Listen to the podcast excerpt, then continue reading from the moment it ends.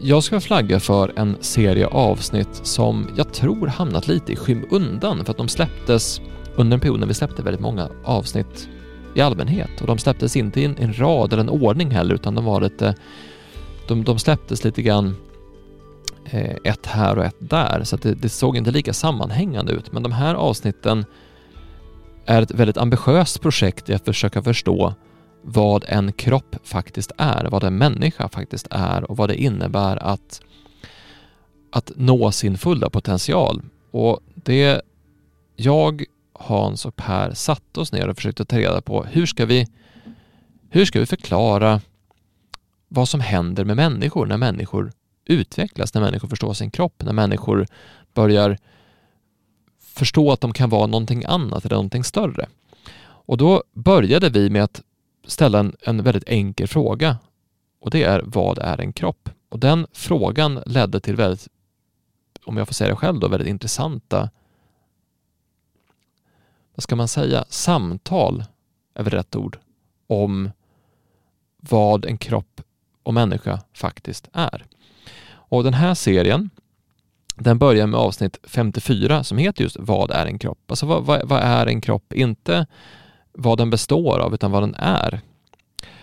Och Sen fortsätter vi med avsnitt 56 som handlar om hur vi upplever vår kropp.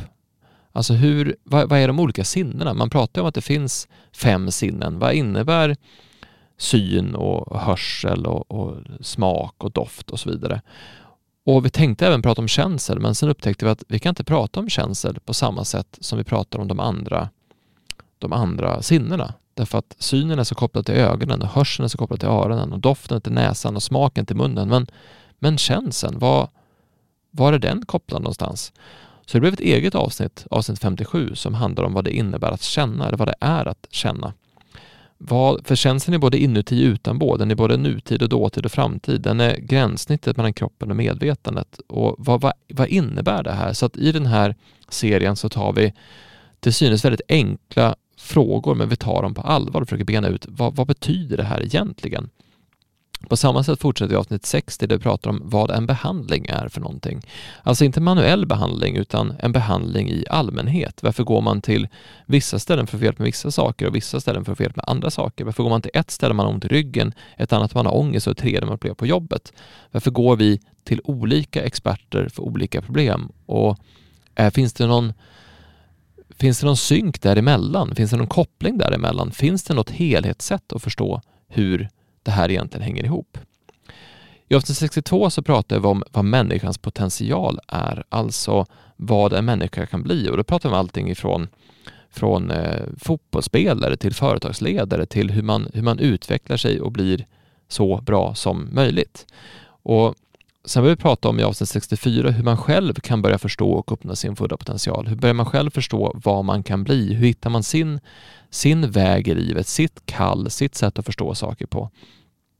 Och vi går även igenom varför den moderna vetenskapstron med betoning på objek objektivering blir problematisk om man ska förstå sin egen kropp. Alltså varför det blir svårt att förstå sig själv som ett objekt. Och sen i avsnitt 65 så pratar vi om hur vi hjälper andra att förstå och uppnå sin fulla potential. Alltså hur, hur jag, Axel och hur min bror Ivar och Per jobbar med att, att försöka hjälpa människor att förstå och uppnå sin fulla potential. Vad är det som gör att man hittar en drivkraft till att hjälpa människor? Varför ska man jobba med det? Eller vad, vad kommer det ifrån? Hur orkar man stå emot motgångar? Hur orkar man stå emot allting som kan hända på vägen och hur övervinner man olika utmaningar? Och sen i avsnitt 68 så pratar vi om hur det är att jobba med att hjälpa andra människor. Alltså hur är det att vara lärare, läkare, psykolog eller terapeut i dagens moderna samhälle, i de system som finns. Hur är det att vara en, en hjälpare idag?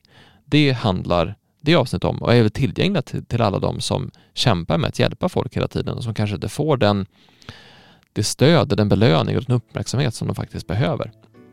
Så det är den serien som handlar om vad en kropp är och vad det innebär att hjälpa människor.